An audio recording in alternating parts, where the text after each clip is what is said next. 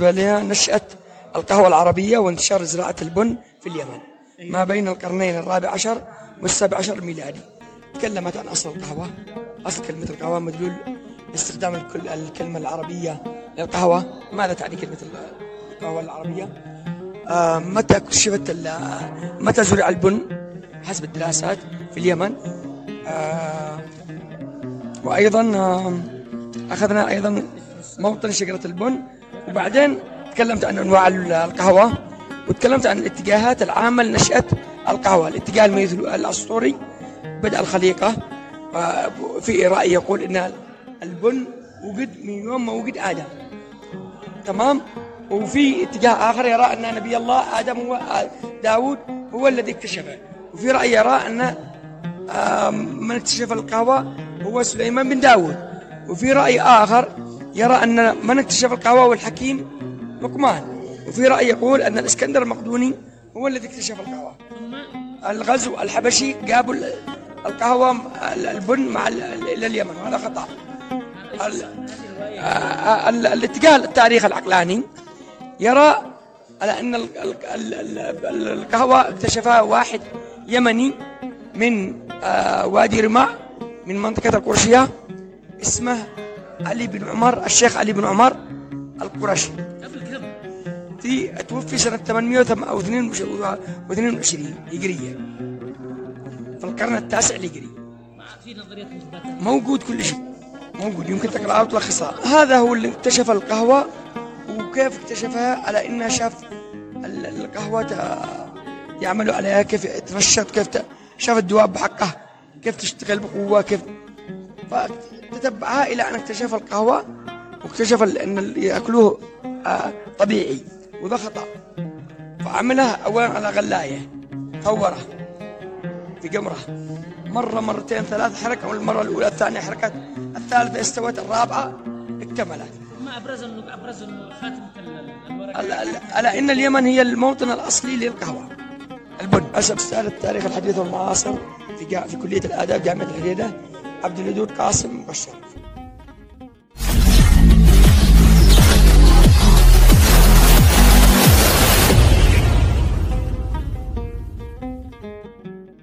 دكتور دكتور دكتور أمين العزب. طبعا مختص في القسم الوغاثي البن وزراعة الانسيه عن طريق البن. طبعا ال- الآن ملخص الورقه ان التنوع الوغاثي للبن اليمني هو أهم تنوع وغاثي في العالم. العالم يفتقر إلى التنوع الوغاثي لأن أصل البن في العالم هو عبارة عن سبع بذور تم تهريبها من اليمن. وما زال ال ال اليمن في أودية اليمن في بطون أودية اليمن ما زال التنوع موجود التنوع الكبير جدا. العالم كامل يحتاج إلى هذا التنوع من أجل برامج التحسين برامج يعني ال- المقاومة مقاومة الآفات المكافحة. التنوع الوغاثي بشكل عام يعتبر يعني أكبر كنز ي- ي- يحبى الله اليمن. نحن نقول أنه لابد أن نحافظ على التنوع الوغاثي اليمني للبن عن طريق تسجيل هذه الأصناف في بنوك الوراثة العالمية. فنسجلها على أنها أصناف يمنية. لا يستطيع أحد بعد ذلك يدعي أنه صنف. قد يكون مثلا الآن السعودية تدعي أن أصناف سعودية. آه، البرازيل تدعي أن هناك أصناف آه، برازيلية. أثيوبيا تدعي بأن هناك أصناف أثيوبية. بينما أصلها من أي من اليمن. الآن بنما تدعي أن هناك أصناف ربما تكون أصلها من اليمن لكن جلت باسم بنما لذلك نحن نقول أنه لابد أن نسرع في تسجيل أصنافنا أصنافنا في بنوك الوراثة العالمية ويكون لنا حقوق.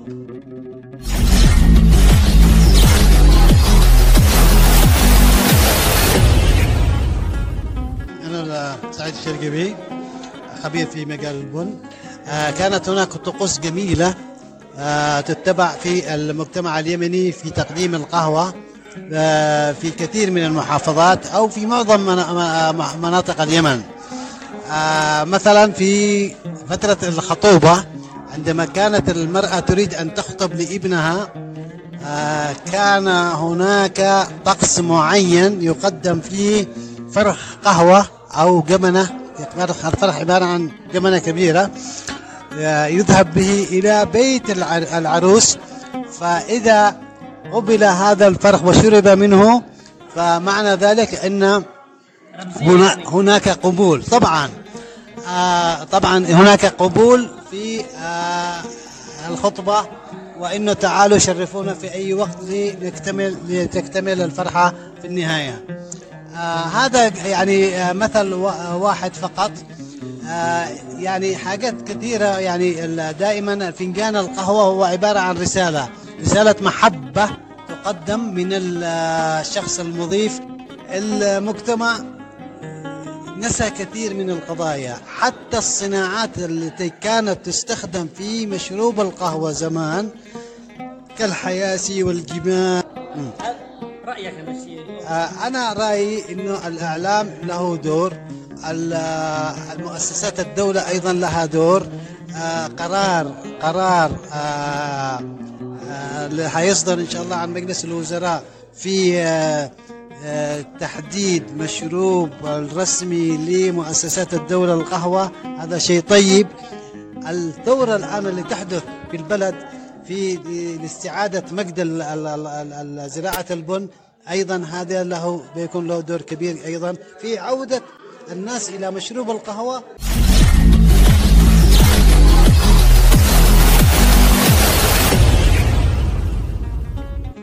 آه، محمد عبد الله مهيوب حاصل على درجة الماجستير في العلوم في آه، مجال المكافحة الحيوية المتكاملة وأعمل في الإدارة العامة لوقاية النبات. آه، ورقتي تضمنت الآفات الزراعة الآفات التي تهاجم محصول البن باعتبار أن البن يعتبر هو هوية وتاريخ وحضارة لليمن واليمنيين. فنظرا لكثير من المشاكل اللي يعاني منها البن والمزارعين اللي بيجونا من وقت لآخر آه، حتى يعني يحصلوا على الحلول منه.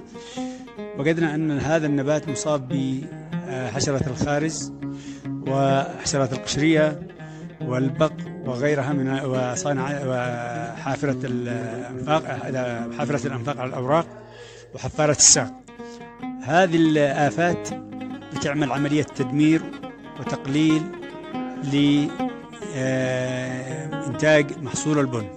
البن اليمني فعلا مشهور بجودته ويعتبر مهم جدا في الاقتصاد الوطني ويعتبر هو ثروة لليمن.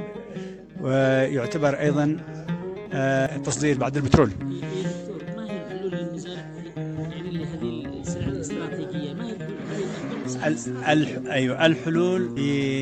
يستعينوا ببعض الخبرات والت- والتوجيه الإرشاد للمزارعين لتوضيح الطرق الرئيسية لعملية المكافحة لأننا أشرنا إلى طرق المكافحة التي كان يتبعها الآباء والأجداد من قديم الزمان باستخدام ال- الإثاب والإثاب هذا يعمل كفروع للبن وخاصة في الليالي المقمرة على أساس يمنع تزاوج هذه الحشرة ووضع البيوض لأن إذا وضع منعت الحشرة من وضع البيوض تكون أحرمت هذه الحشرة من التكاثر. وبالتالي قلصت أو قللت الإصابة بهذه الآفة. الشيء الآخر معك التدخين. والتدخين شيء سهل تستخدم مخلفات الحيوانات تدخنه تحت الشجرة تعمله في الليل ويبقى يدخن على طول لا الصباح خاصة في الليالي المقمرة ليالي 12 13 14 15 تكون هنا في الحالة ضمنت إنك لو خففت إلى أقل قدر ممكن من الإصابة للمحصول. المحصول هذا يجب أن نراعي فيه الأشياء التالية إنه كيف نشخصه عن المحاضرات بشكل كامل من حيث لأنه المزارع زي ما أنت عارف في عنده مشاكل. إنتاج. المزارع مسكين ضحية. بينتج المستفيدين هم تجار الوسطاء والتجار الكبار.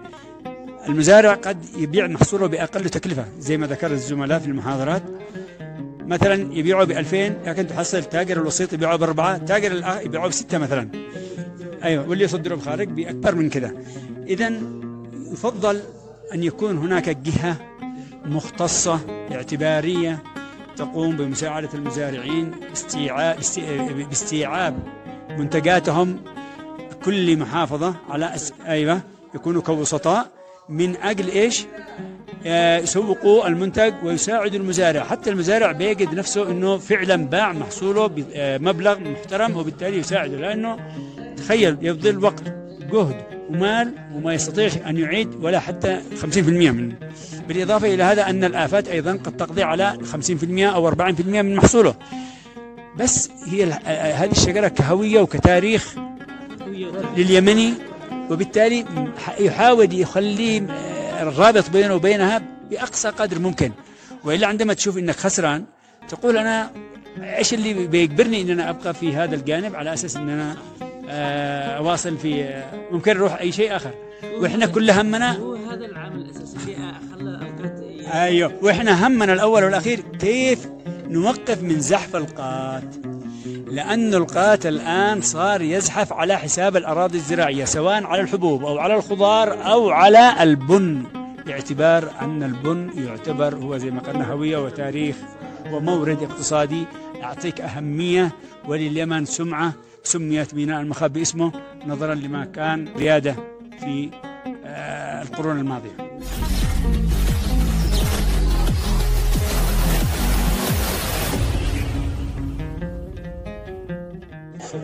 مهندسة سمر الصلوي آه، ماجستير في عملية ما بعد الحصاد اللي هو التجفيف والتخزين والتقشير لحبوب ال- البن وتأثيرها على الجودة. آه، العملية أساس آه، تم استخدام نموذج تجفيف صنعوه في بحث التخرج في 2015 واختبارها في التجفيف لمحصول البن وتأثيره على الجودة وأدى إلى أنه أثبت نجاح أكثر من السرير الآن المنتشر حاليا.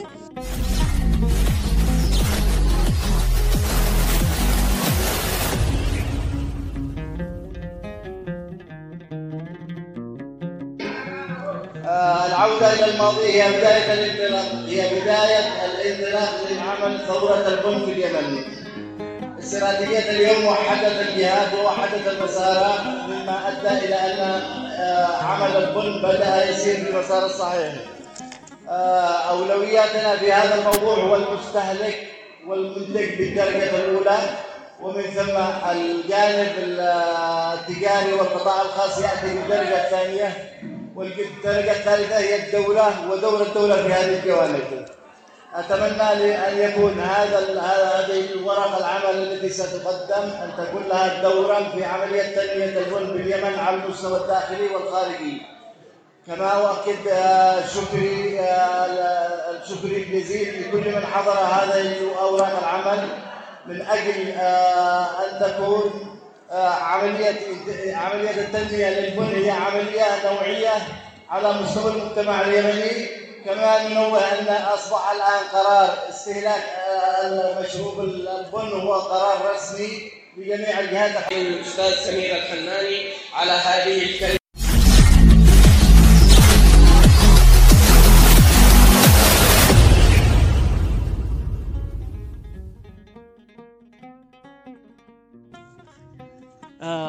دكتور أمين حكيمي حدثنا عن الأهداف أو الهدف الأساسي من إقامة فعاليات الندوات العلمية للبن حقيقة نحن أول هدف في هذا الجانب إنه إحنا نجمع كل الناس اللي اشتغلوا على ما ما يتعلق ببحوث وتنمية البن خلال العشرين سنة الماضية أو الثلاثين سنة الماضية. نلتقي فيهم الآن ونقول لهم هنبدأ من جديد. إذا كان كان في توقف وكنا كلنا كسلانين يجب أن نأخذ من جديد لأنه نحن بحاجة أن نتلاحم كلنا مزارعين ومنتجين ومسوقين وباحثين من أجل أن نعمل بحوث بالمشاركة بحوث بالمشاركة مع المزارعين ومع المستفيد بدرجة رئيسية.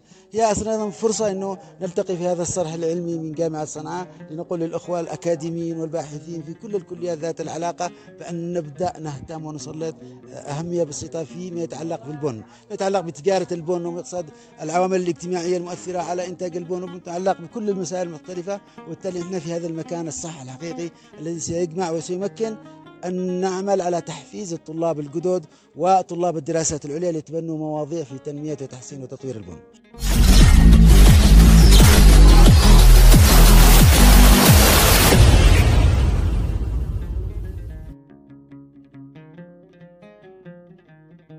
مختار فيصل حمود الخنشلي رئيس مؤسسة المخال للتنمية من مشاريعنا أيضا كانت المهرجان ال- الأول البن اليمني الذي حاولنا نرفع من الاستهلاك المحلي في اليمن. البن استهلاكا في اليمن أقل من 15% مقارنة مثلا بالحبشة التي وصلت اس- استهلاكا إلى 50% يعني نص إنتاجهم استهلاك محلي. فالحمد لله كانت الجهود جبارة والناس حضروا انطباع رائعة بتوعية الناس عن المنتج اليمني. فمؤسسة مخا قمنا في ورشة دورات في التذوق علم التذوق. وأنا كنت أول عربي أخذ الشهادة تذوق البن. ودربنا أكثر من من 100 متذوق ومتذوق في هذه الثلاث أيام اللي مضت. وهذه الندوة الفعالية التي آه، قامت فيها آه، تحت شعار آه، ثور البن اليمني مع وحدة البن التي تدفع اللجنة الزراعية. من أهم ال- ال- الجهات الحكومية التي اشتغلت في مجال البن. نحن نشتغل في مظلة واحدة تحت هذا الإطار الحكومي ومؤسستنا تساند عمل الوحدة في هذا المجال. فكانت هذه الندوة مهمة جدا أولا لإنشاء ثقافة محلية عن اليمن من تاريخ القهوة من الجانب العلمي للجينات القهوة من حتى طقوس ال- القهوة وتاريخ القهوة اليمنية.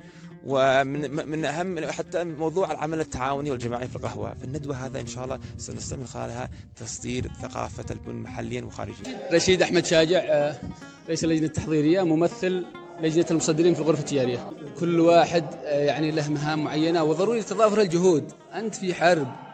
يعني بنية تحتية لا توجد. وزارة الزراعة ما فيش عندها إمكانيات. لجنة زراعية عمل طوعي. تجار بيعملوا جهدهم. تمام. آه، اتحاد جمعيات البن أيضا عمل طوعي. تمام. وإمكانيات لا توجد على الإطلاق. يعني هذا الأمور إحنا مطلعين عليها. فال- فالاساس إنه وضع هدف إنه إذا تضافرت الجهود إذا تضافرت الجهود قالوا غرامة ولا ملك. تمام. فيعني الرؤية إنه تضافر الجهود ممكن أن يصنع جزء من نجاح. تمام. أو على الأقل نرسم خارطة طريق أو على الأقل يعني نتعامل بالإمكانيات المتاحة. تمام. الهدف الآن تنظيم القطاع أكثر من عمل إنجازات. إذا تنظم القطاع بحق وحقيقة و- وتنظمت كل سلسلة القيمة من عند البذرة لعند المستهلك من عند التاجر للمزارع للقطاعات ذات الحلاقة للقطاعات التمويلية.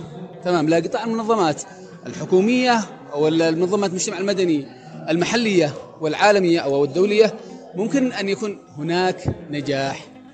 طيب هل هذه الفعاليات التي الان فعاليات علمية؟ ما هو الهدف منها حملة علاقات عامه؟ خلي خليني الآن أتكلم لك على جزئيتين. طيب. جزئية فعالية الندوات العلمية جزئية هامة. لا تكاد تخلو الكيانات والدول والقطاعات الحكومية في العالم من وجود يعني أو من تفعيل هذا القطاع. إحنا نعرف أن هذا القطاع شبه ميت إذا لم يكن ميت ولا يوجد له أي حضور ولا يوجد له أي دعم. فالآن هو يعني الفكرة الأساسية هو تسليط الضوء على أهمية الأبحاث والتحليلات والإحصاءات في التدخلات وعمل المشاريع وأيضا في تنظيم العملية ككل. فإحنا الآن لا نختلف عن أهمية وجودة يعني ال- البحوث العلمية. أبرز عقباتكم أو أبرز معاناتكم. أبرز معاوناتنا كانت في الفترة السابقة كيف ممكن تتوحد الجهود. يعني الأمانة إذا توحدت الجهود وصفيت النوايا آه، نتوقع أن المخرجات بتكون أكبر بكثير. في أسوأ أحوالها بتكون إنه إحنا نجيب أفضل أسوأ أو أفضل ما ممكن أن يكون مع بالإمكانيات المتاحة. تمام. الأسوأ ما بيكون هو الوضع الاقتصادي الوضع السياسي الوضع المعقد الموجود ال ال ال المياه آه، عدم وجود بنية تحتية عدم وجود ميزانيات. يا